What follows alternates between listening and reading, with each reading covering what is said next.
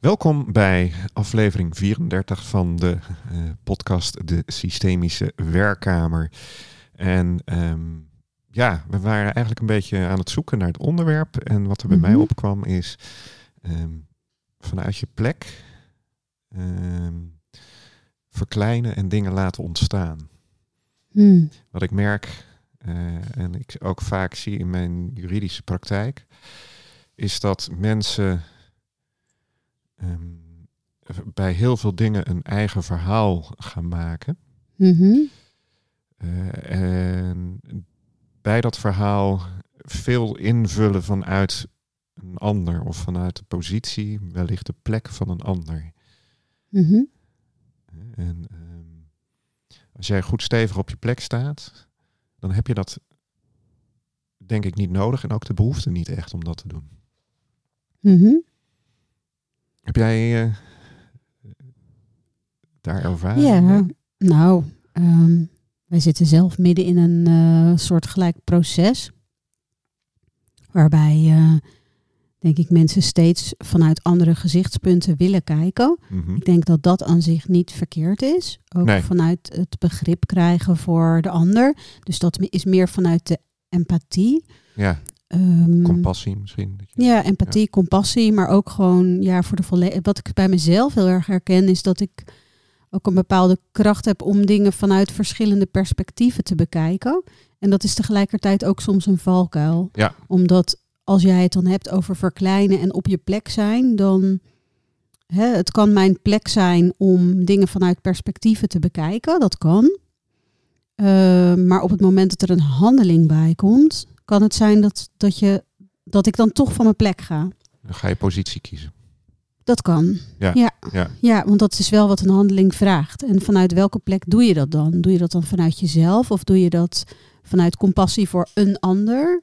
Um, ja, dus, dus hoe, hoe ziet dat eruit? Ja, nou ja, ik denk dat inderdaad, kijk, als coach heb je natuurlijk, hè, op, als je op de plek van de coach gaat staan, als je iemand coacht, heb je natuurlijk meer een andere positie dan bijvoorbeeld als ik inderdaad hè, als advocaat in een conflict ga staan. Dan, dan, uh, of ik ga niet in het conflict staan. Ik, ik, ik begeleid, help mensen te kijken naar het conflict en daar een juridische duiding aan te geven. Ik denk mm -hmm. dat ik het zo moet, uh, moet zeggen. Is dat ik, ik, ik wat, mijn neiging is dan om inderdaad te, te, te gaan comprimeren, verkleinen, ruis. Mensen hebben de neiging om, wat je zegt, er van alles bij te halen. Mm -hmm. wat, wat de boel eigenlijk alleen maar vertroebelt. Ja, of misschien is dat divergerende, die divergerende beweging nodig om vervolgens te kunnen convergeren. Dus, dus dat je soms eerst moet onderzoeken in de breedte en in de diepte en vervolgens je plek te vinden. Dus maar dat is een beweging die denk ik voor iedereen anders is. Ja, ja, denk ook. Ik denk inderdaad ook als je kijkt. Hè, um, ik, ik, um, ik ga altijd kijken, voelen wat iemands positie is in een bepaald, uh, bepaalde context. En hoe doe je dat? Um, ja, ik heb al wel eens eerder volgens mij in deze podcast geze uh, gezegd dat ik, ik, als, als ik naar mensen kijk en, en intune op hun systeem. Het, het, het, dat, dat ik van alles eigenlijk zie verschijnen en bewegen. Mm -hmm. En dat is natuurlijk als je, als je uit de juristenwereld komt, uh, waar alles het geschreven woord uh, leidend is, eigenlijk. Uh, en en dit wordt gezien als aannames mm -hmm. en onbewijsbaar. Is dat heel, heel wezensvreemd. Mm -hmm. Maar het geeft mij wel houvast om, om, om te gaan en te kijken naar uh, de positie van mensen. Ja, want hoe gebruik je de informatie die dan zeg maar voor jou daar verschijnt? Um, ja, dat is een goede vraag. Um, ik, ik, um, ik, ik zoom een beetje uit als het ware, of ik laat in ieder geval uh, maak, maak als, het, als, als je even een vergelijking neemt, als je op je telefoon kun je foto's kleiner uh, maken om Mhm. details te kijken. En dan ga ik eens kijken naar de ruimtes. Als je, als je een beetje die, die, die foto groter maakt naar de ruimtes die er tussen de verschillende. Dus je zoomt in of je zoomt juist uit?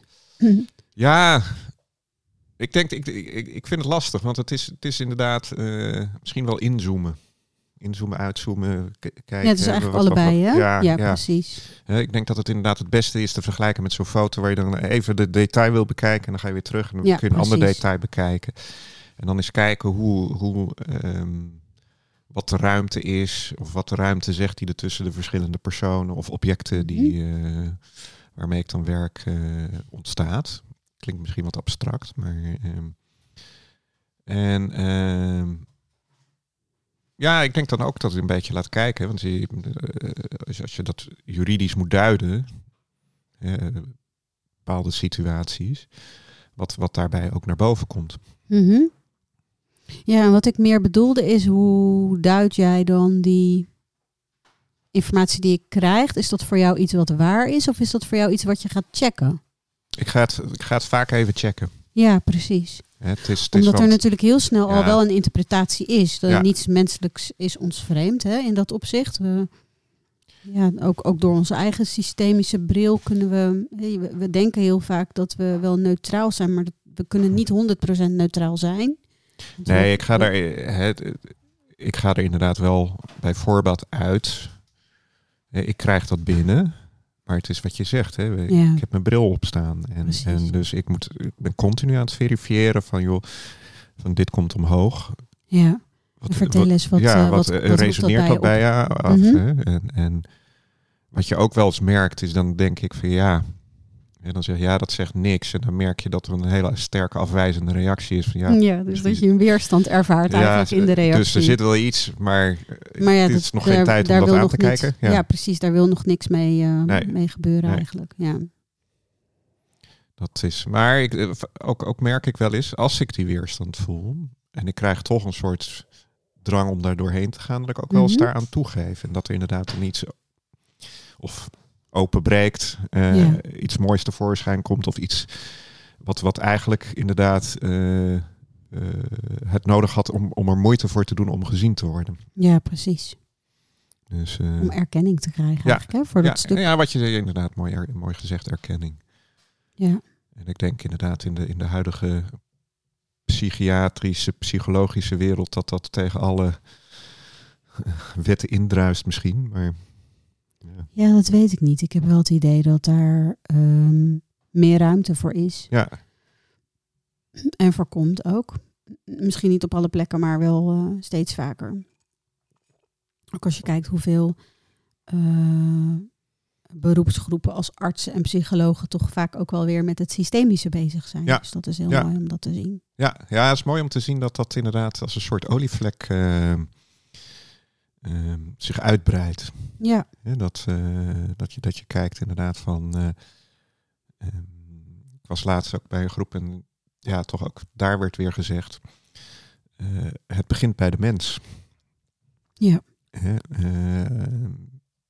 we zijn allemaal mensen en, en daar zit ook die voor mij, hè, als je op je plek gaat staan, dan kun je het mooi vanuit jezelf laten ontstaan. ja. Als je dan, dan laatst ook een oefening met iemand ja gedaan. of misschien niet eens vanuit jezelf. Je bent gewoon een ander type onderdeel daarin. Hè? Ja, nee, dat, dat- door je, misschien moet ik zeggen door jezelf. Ja, precies. Je Ja, wordt veel het- meer een soort ja. zuiver instrument. Want eh laatst een oefening met iemand gedaan, inderdaad ook. Van, dan merk je. ehm, hè, de- de- misschien heeft dat ook te maken met begrenzen. Dat mensen alle kanten op gaan. Mhm. En dan zeg je, joh, ga nou eens staan. Hè? Ga eens even goed met je voeten op de grond staan. En ga nou eens voelen, wat, wat komt er uit, uit Ja. moeder aarde? Ja. Eh, wat, wat wil daar... Wat stroomt er door je heen? Ja, ja, Ja. hoe voelt dat nu? Voel je je grenzen? Hè? Voel je dus... En ben je dan verantwoordelijk voor alle dingen die op je pad komen? Dat is in de, in de huidige maatschappij. En waar ben je wel verantwoordelijk voor? Ja, en waar niet. Hè? En, en, en, ehm, en dan merk je dat mensen eigenlijk de neiging hebben om veel meer te dragen of veel meer in zich op te nemen dan eh, ze vanuit hun positie gevraagd wordt. Laat ik het zo zeggen. Ja, of nodig is. Ja, of nodig is inderdaad. Want soms wordt het wel gevraagd, alleen is Ja. het je plek niet. Ja. Het kan best zijn dat er iets gevraagd wordt door je omgeving of door de situatie. Ja, maar, Maar, dan dat, denk ik... dat het appel gedaan wordt terwijl, het, terwijl je eigenlijk jezelf te begrenzen hebt en te zeggen hebt, nee, dat is niet mijn plek. Ja, nee, maar goed, ik denk inderdaad ook, als jij stevig op je positie staat, dat wellicht dat eh, de, het ook niet gevraagd wordt. Dat weet ik niet. Ik, ik, ik, Want dat is ook afhankelijk van hoe dat bij de ander werkt. ja, Dus er wordt natuurlijk veel geclaimd en overvraagd. ja, Dat zit ook in gedrag. Maar goed, hoe gevoelig ben je daar dan voor inderdaad? Als je, Ja, dat is een andere vraag. Dus, misschien de, zie je dus dat de niet vraag eens. die is er wel. Ja. ja, dat weet ik niet. Ik hoop altijd wel dat er een bepaald bewustzijn is dat je dat wel door hebt. Wat er gebeurt en wat er niet gebeurt. Ja. Nou, wat je vaak ziet als dat bewustzijn afwezigheid is, afwezig is, dat er een soort trauma op zit. Hè? Ik denk ook als er wel bewustzijn op is dat er trauma onder kan zitten. ja. ja, ik denk dat we allemaal wel een bepaalde mate van trauma met ons meedragen. En dat wisselt natuurlijk heel Ja. erg per persoon op hoe- diep dat trauma is. Of hoe diep gelegen of geworteld dat trauma is. ja, ja, het is inderdaad ook... Ik had eh, het daar met mijn zusje gisteren nog over. Dat, eh, ja, dat adoptie is echt een vroegkindelijk trauma. Ja. En eh, de manier waarop je er al dan niet last van krijgt op latere leeftijd. Of daar zicht op krijgt over hoe dat dan in jezelf werkt. Heeft vooral te Mhm. maken met welk, me- welk mechanisme ben je gaan doen. En Ja. hoe vreemd vind je dat mechanisme. Of hoe vaak kom je mensen tegen die jou wijzen op dat mechanisme in het contact. Ja, dus je kan heel goed geadopteerd zijn en niet doorhebben dat er een trauma in zich, in, in jou aanwezig is, mhm. omdat je op zich prima functioneert. Ehm, maar dat wil niet zeggen dat het trauma er niet is. Nee, nou ja, dat geldt in, denk ik voor, voor eh, ik denk niet alleen voor geadopteerden, maar als je kijkt naar de Nederlandse samenleving, zijn we natuurlijk heel goed in het wegstoppen van trauma's. Ja, zeker. Hè, dat is, En dat heeft ook weer een functie. Ja, zeker. Dat, eh, eh, En als je daar het in- en het uitzoomen nou zou gebruiken, of het groter maken of kleiner maken, wat zou dat dan opleveren? Hoe bedoel je? Op de Nederlandse maatschappij? Of, eh, Nee, gewoon op het, op het omgaan met trauma. Ja. Ik denk dat, dat, dat ehm, als, je, als je kijkt, als je die pixels weer als uitgangspunt neemt of als voorbeeld, dat, dat, er, dat het zichtbaar wordt als jij de foto groter maakt. Ik zie het een beetje als, als, als een atoom. Hè? Als je daar heel sterk, dan komt bij mij toch het woord inzoomen op. Hè? Dat, dan zie je Mhm. de ruimte tussen alle onderdelen van het atoom, onderdelen van het atoom. En inmiddels weten we dat, dat daar ook weer onderdeeltjes eh, in zitten. Ja. Dus naarmate je dus de ruimte tussen, misschien is het wel zo, hè, van, eh, er wordt gezegd, omdat we allemaal uit atomen eh, bestaan en atomen voor 90% uit lucht of Mhm. lege ruimte. hè.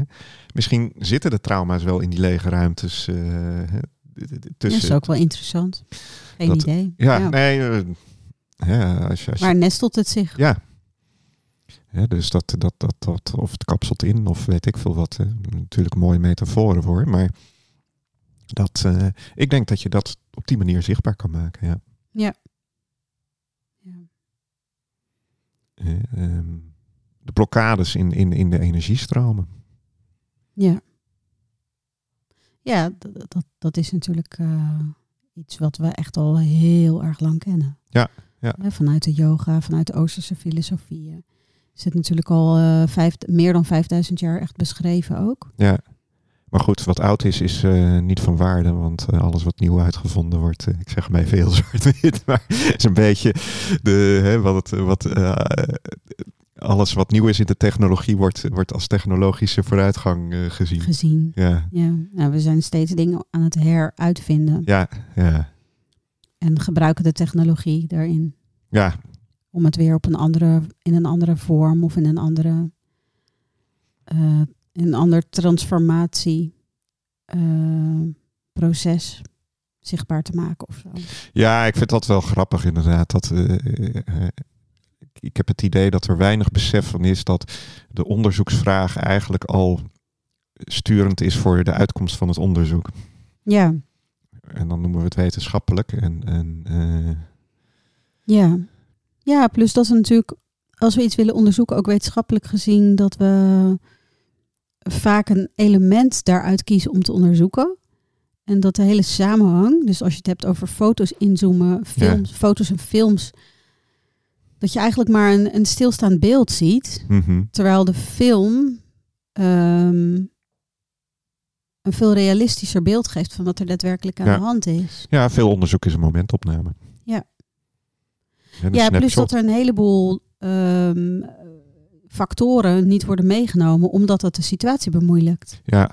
Nou, en ook gewoon omdat we ze die niet, eh, niet kunnen herkennen. Ik zeg ook heel vaak tegen mensen van ja, had ik maar. Ik zeg ja, weet je, we gaan ervan uit dat we alles kunnen overzien. Maar als wij, hoe heet het, eh 50% van de factoren eh, kunnen overzien, betekent dus dat er 50% eh, niet kennen, wellicht, die wel van invloed zijn. En als ze dan zich uiten, die factoren, dan blijkt dat heel veel, lijkt dat heel vanzelfsprekend. En vaak is van de 50% factoren die we kennen, kunnen we er maar 25% van meenemen. Mhm. Dus het is een illusie dat wij als, als mens, eh, in mijn ogen dan, eh, op die manier ehm, exact bepalende uitspraken kunnen doen. Ja. En dat is ook waarom, eh, wat ik begrijp van wat met, met het onderzoek naar in, in, in de kwantumfysica, eh, dat, dat past niet in het huidige wetenschapsfilosofie, Model. Nee. model inderdaad, omdat eh, de onderzoeker bepaalt de uitkomst. Dat is niet te objectiveren en in, in het wetenschapsmodel moet alles objectiveerbaar zijn. De vraag is, kan, Kan dat eigenlijk Ja. Ja. En als je die vraag stelt, dan ben je een wappie. Ja. nou, laten we die term alsjeblieft maar weer nee, even... nee, het Ik heb hem al gelukkig al heel lang niet meer gehoord, die Nee, term. hij kwam vanochtend kwam die ergens Ineens langs. voorbij bij jou. Ja, ik weet niet waar dat nou was. Ik vind het, eh, ja, het is natuurlijk heel, Nee, er ik zit een heel zwaar oordeel op. Ja, en ik vind de metafoor met stilte daarin wel mooi. Dat als het echt even stil is. Ja, en En jij kan niet stil zijn. ik maar wilde echt even die stilte in, want ik wilde daar iets ja, maar over ik, ik wil er even, even, even. Het lukt. Het mooie, als jij echt je plek zuiver kunt innemen en de energie van eh, moeder aarde, het universum kunt als, als je dan lukt het ook om heel goed stil te zijn. Dan kun je echt zo in het moment zijn en het laten ontstaan. En dan, nou ja, dan voel je dus de hele, eh, althans heb ik ontdekt het hele universum. Hmm. Ja, dat is een mooie aanvulling. Ja. En wat ik wilde zeggen is dat er in stilte nooit stilte is. Nee, Ik heb jarenlang natuurlijk meditatiecursussen en opleidingen Ja. gegeven. En ehm, de misvatting is vaak dat stilte heel stil is. Want de echte stilte is heel rijk. En er gebeurt van alles. Het gaat om de positie, positie van de waarnemer. Wat doe je als waarnemer? ja, Moet je er iets mee of hoef je er niets mee? En dat is, dat is bepalend voor, voor eh, hoe je stilte toelaat. Dus stilte is niet per se zo dat het stil is. nee. Ja, stilte. Is, het, eh, is wel grappig. Hoe, hoe zou je dat nou inderdaad... eh, je lult er niet overheen. wat zou ze zeggen? Alles wat... wat, wat het mag ontstaan. Wat, wat ik, ja, wat, eh, in de stilte kan het ontstaan. En inderdaad, misschien moet je, kun je er iets mee, misschien ook niks. Het is natuurlijk ook, hè, het mooie is, als je het laat ontstaan, je handelen laat ontstaan en niet over nadenkt, dan ontstaat het gewoon. Eh, We zijn podcast begonnen, maar we konden niet bedenken dat we nu zouden zeggen wat er nu gezegd wordt. Nee, precies. Ja, dat vind ik zo mooi aan onze podcast. Dat Ja. wij er niet van tevoren een script over hebben. Nee, Dat we zien wat ontstaat er in die stilte. ja. Of wat ontstaat er in de beweging. En dan om, om toch hè, het thema wat we er dan een beetje aan gegeven hebben. Ehm, mensen hebben het idee dat, dat door toch heel veel te doen en heel hard te werken, wat in mijn ogen juist indruist tegen die stilte opzoeken en het, en het laten, laten ontstaan. Mhm. Ehm, Ja, ik merk nu even wat, dat ik een beetje vastloop in mijn eigen gedachten. Misschien moet je even stil zijn. Ja, nou dit is eigenlijk precies wat het punt wat ik wilde maken. Dus dat mensen voor. vastlopen in, in die hele brei die ze dan zelf op, eh, Ja. opwerpen. Dus eigenlijk klopt het allemaal wel wat, wat er nu ontstaat. Dat is eigenlijk wel grappig. ja. Ja. ja. In stilte worden dingen helder. En dan zeker inderdaad, ja. Het, het, het, de rust inderdaad die dat, die dat geeft. In je lijf, in je hoofd. En dan kun je ook eh, eh, nog zulke onrustige gedachten hebben. Maar als je ze kunt observeren en voorbij kan laten gaan. Ja, dan merkt Ja. die stem in je hoofd ook wel van ja, weet je, ik kan tegen aan lullen, maar eh, er gebeurt toch niks mee. Nee. Ja, dat is. eh, Dus dat is wel een mooi, mooi rustpunt. Ja, dat is de ware oefening in meditatie. Dat je onderzoekt wat is er in jezelf? Wat Ja. gebeurt er? Eh, welke bewegingen neem je waar?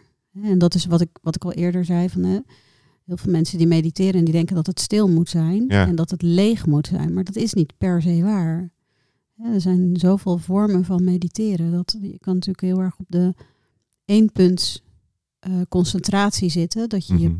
concentreert op één ding. Maar het kan ook zijn dat je je concentreert op alles wat, Ja. wat er is. En dat je laat gebeuren en dat je laat voelen en door je heen laat stromen. En dat als je een geluid hoort, dat je het waarneemt en het ook weer los laat gaan. Ja. Oh, los kan laten. ja, wat ik altijd wel fijn vind is inderdaad dat je, dan zit ik, eh ben me bewust van de kamer waar ik in zit, het kussen waar je op zit, van je, van je lijf, wat in je lijf gebeurt.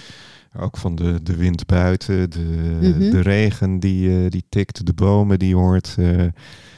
en dat is heel mooi als je dat allemaal tegelijkertijd bewust van bent. Ja, en dat je er niets mee hoeft. Ja. Dus dat het er is. En Ja. dat jij er dus ook bent. Ja. Dat, Ja. eh, hè, dan ben je inderdaad bewust van je eigen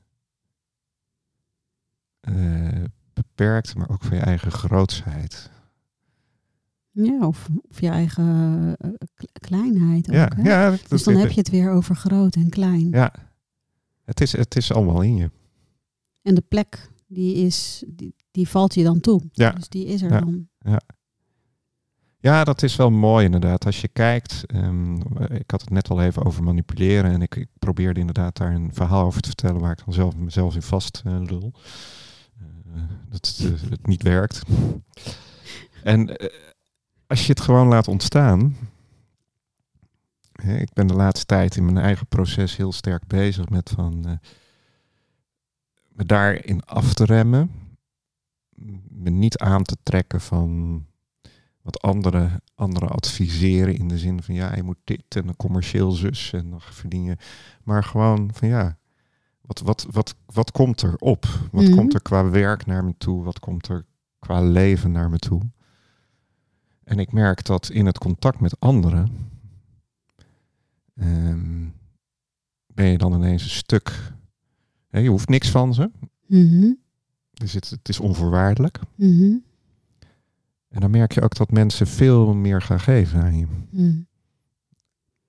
En wat, wat, tot een Ik veel. weet niet of mensen meer gaan geven. nou, Ik er denk komt, het komt tot een heldere ziet. uitwisseling. Ik denk dat je zelf beter ziet en helderder Ja. hoort en waarneemt wat er gegeven wordt. Ja. Dus dat je daar gewoon meer bewustzijn op creëert en meer Ja. gewaarzijn. ja, dat zijn inderdaad. eh,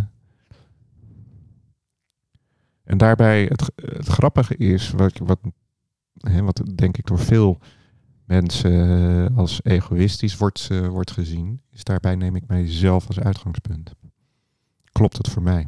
Ik denk dat iedereen altijd zichzelf als uitgangspunt neemt. En dat we ons ook daarvan bewust moeten worden op wat voor manier we dat al doen. Ja, En ik denk dat als je dat heel bewust doet, dat mensen dat ook niet meer zullen ervaren als egoïstisch. Nee, misschien is het inderdaad dat, weet je, ehm, je moet. De mensen, veel van de mensen die coach, die hebben allemaal, ja, je moet dit en je moet dat. En dan inderdaad van de vraag van wie moet je dat? En dat is dan nooit van zichzelf. Nee. Dus je, Ja. en je mag niet egoïstisch, je mag niet aan jezelf denken. Ja, ik denk Maar dat, als jij- dat als je daar bewustzijn op creëert, dat die behoefte er ook niet meer zo is. Dus dat Nee, het ook nee, nee. gewoon ook weer op een hele andere manier tot uiting komt. Ja. Het komt op het moment dat je door anderen gepercipieerd wordt als egoïstisch.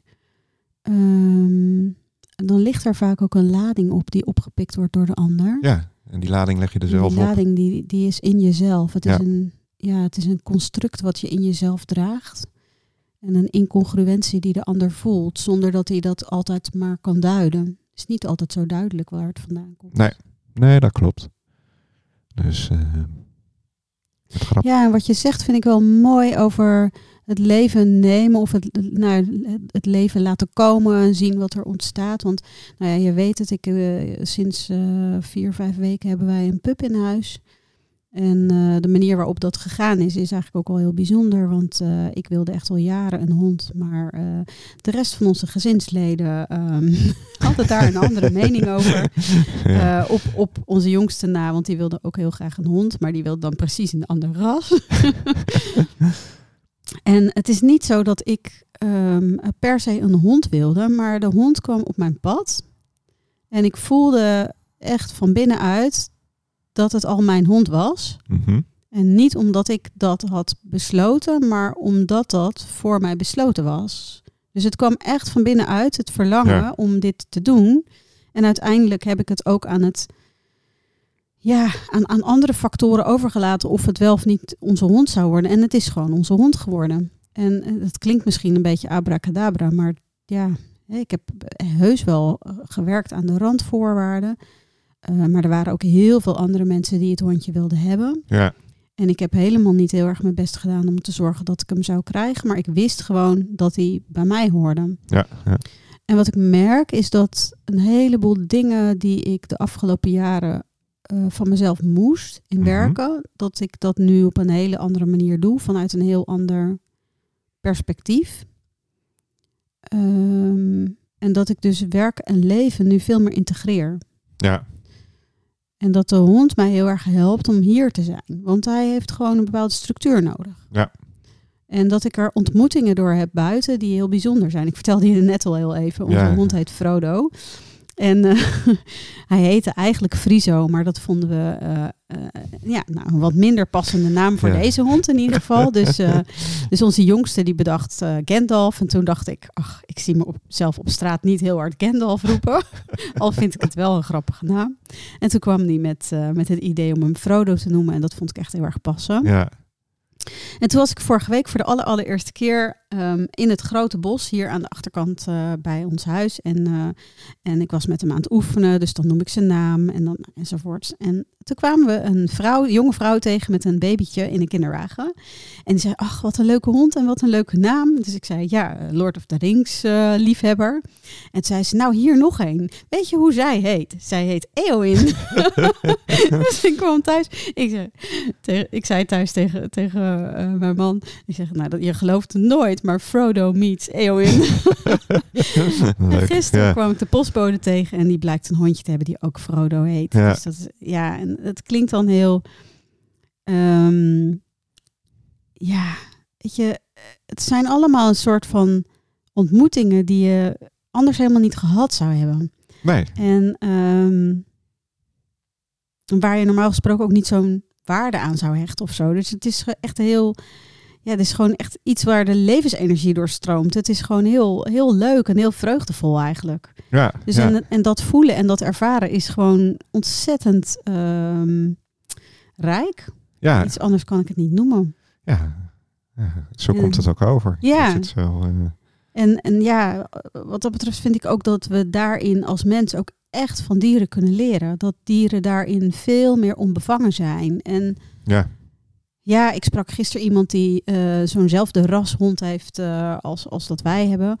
En, eh, en zij zei, ja, dit ras, dat zijn allemaal blije eieren.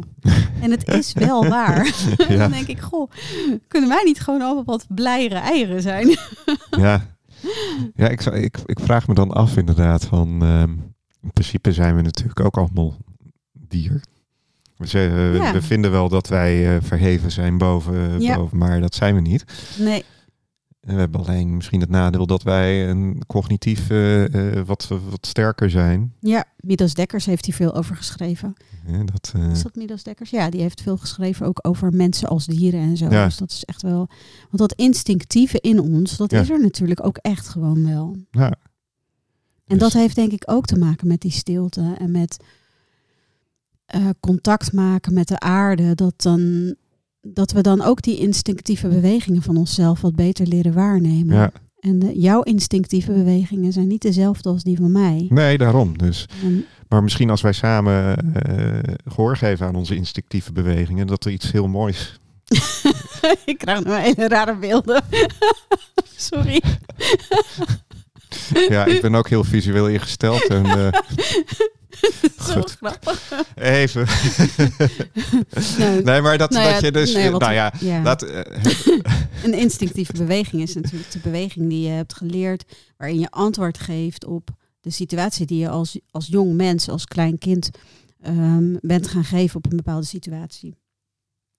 Ja, of misschien dat, eh, ga je dan gewoon heel ehm, open in op de situatie zoals die zich nu voordoet. Ja, dat kan. Dat je Dat meer in makkelijker in het nu eh, zit. Eh, Weet ik niet hoor. nee, Maar dat zou kunnen. Er zijn natuurlijk heel veel manieren waarop je naar instinctief kan kijken. ja.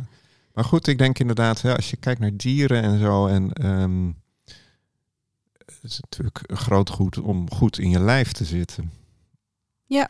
En eh, wat ik dan inderdaad ook, eh, ik, ik weet niet of we hadden natuurlijk net over onderzoek, maar als mensen getraumatiseerd worden ehm, en ze raken in shock en beginnen met hun hele lijf te schudden, dat er dan vaak de eerste reactie is om dat tegen te gaan. Ja. Terwijl wellicht daardoor juist.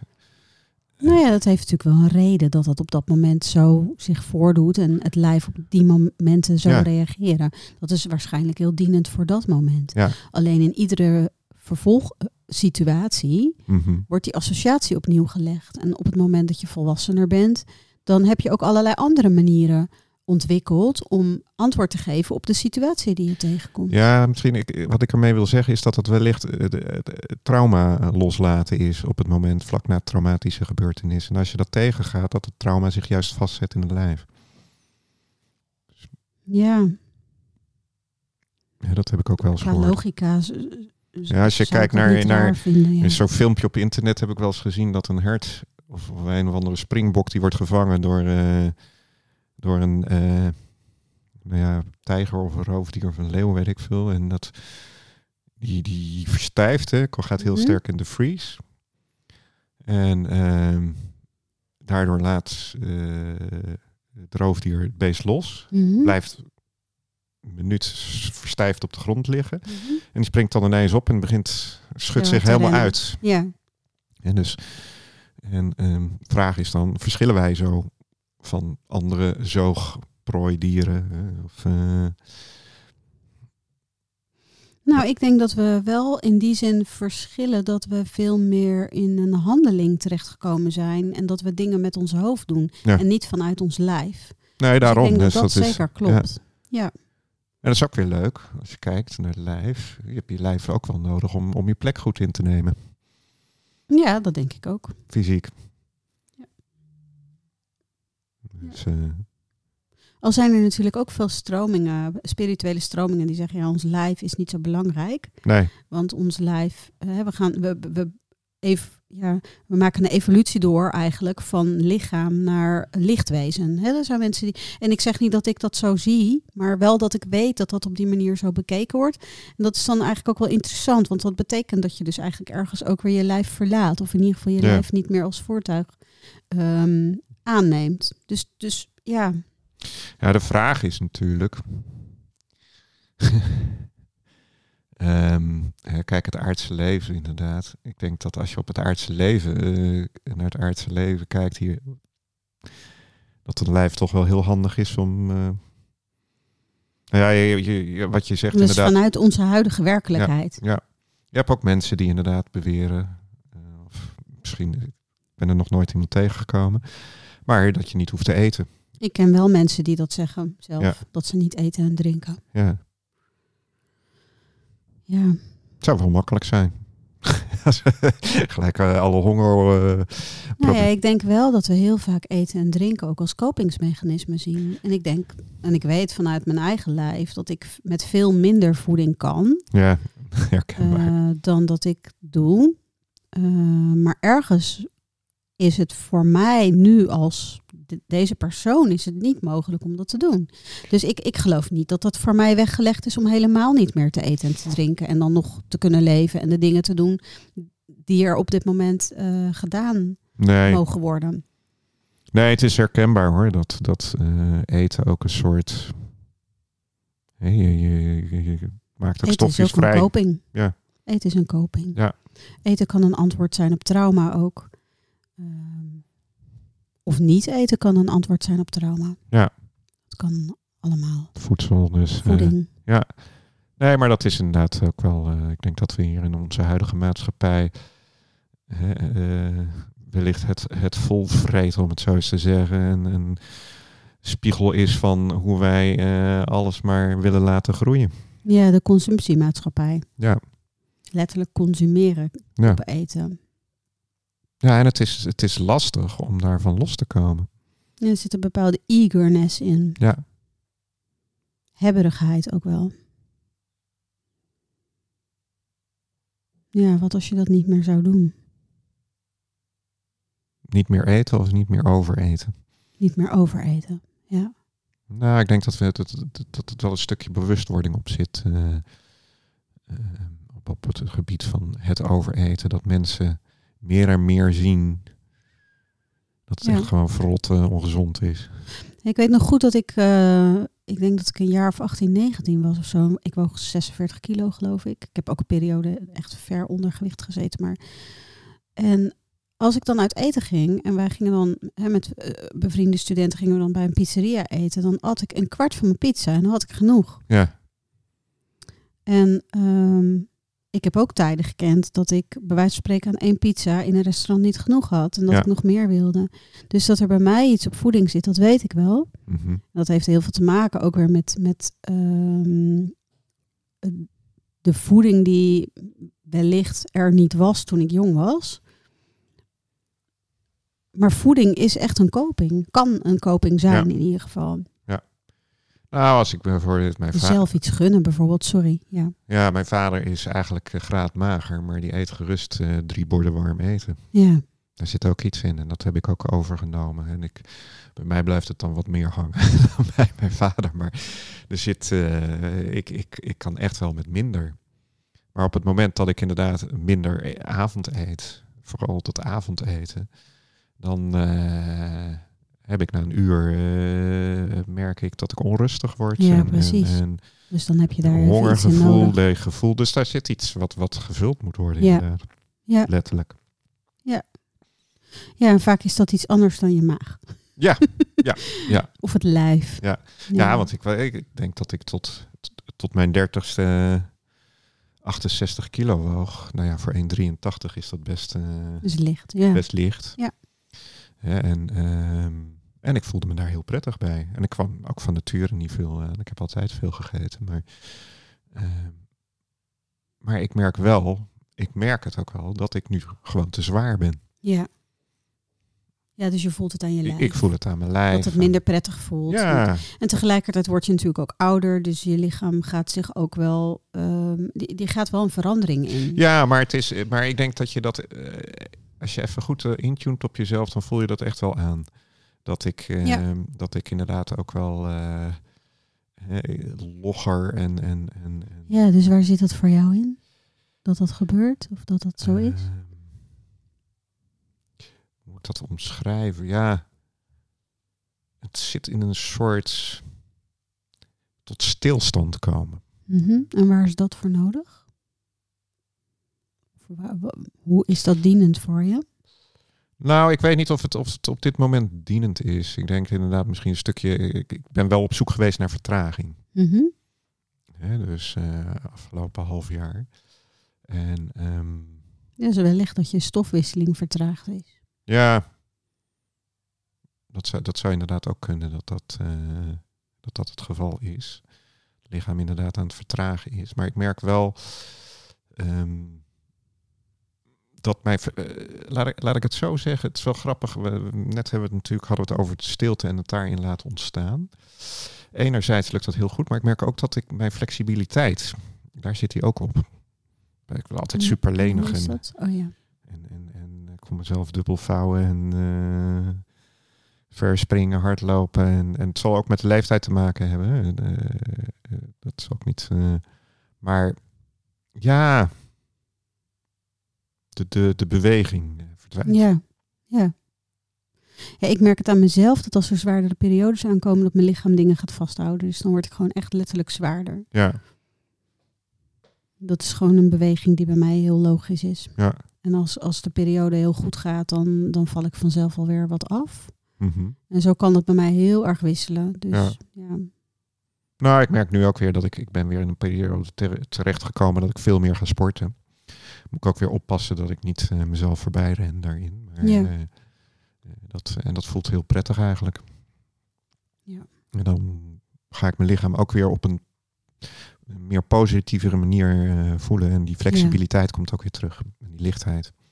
ja, dat is fijn. Ja. ja. Ja, dus bewegen is heel vaak een antwoord op... Ja, in beweging komen denk ik letterlijk. ja, precies. Ja, en misschien heeft dat ook wel te maken met de seizoen. Hè? Of, Zeker. Het is nu eh, ja, minder slaap nodig, meer beweging. En, eh, Het is ook letterlijk langer licht. Dus, Ja. dus we, we- ja, we bewegen langer. We zijn langer bezig met dingen doen. dus dat is Ik vind het vaak ook lastig om te gaan slapen bij licht. Moet je nagaan hoe dat is als je in het eh, hele erg hoge noorden woont, waar nu in de nacht ook geen, Ja, ik- ja, de zon niet ondergaat. Ik weet nog wel, ik waren op een gegeven moment in Sint-Petersburg.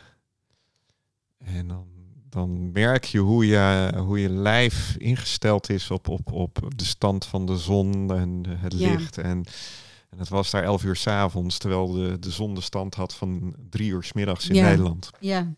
En hoe gewend je daar eigenlijk Ja, aan dus bent. het is echt, dat je dan echt denkt van ja, hè?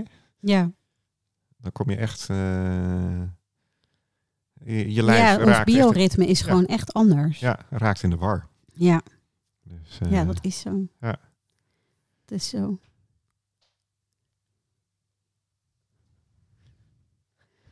Even de stilte. Ja. Ja, ik denk dat, eh, de hond... eh, ik denk dat de hond gehoord wordt op de podcast. Ik weet het niet zeker, maar dat denk ik wel. Ja. Ja, is misschien een mooi moment om af te ronden, denk je ook Ja, niet? ja, Het is wel eh, ja, zo'n beetje in de stilte, ja, rust, onze plek ingenomen. precies. Eh,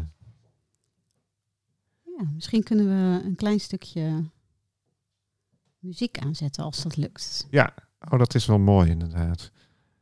Kijken of hij het ook daadwerkelijk gaat doen.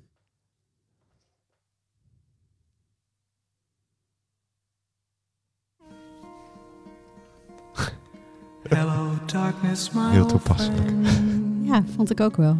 I've come to talk with you again. Dus dank voor het luisteren. Ja, En heel graag tot de volgende vision keer. softly creeping left its seeds while I was sleeping, and the vision that was planted in my brain still remains within the sound of silence.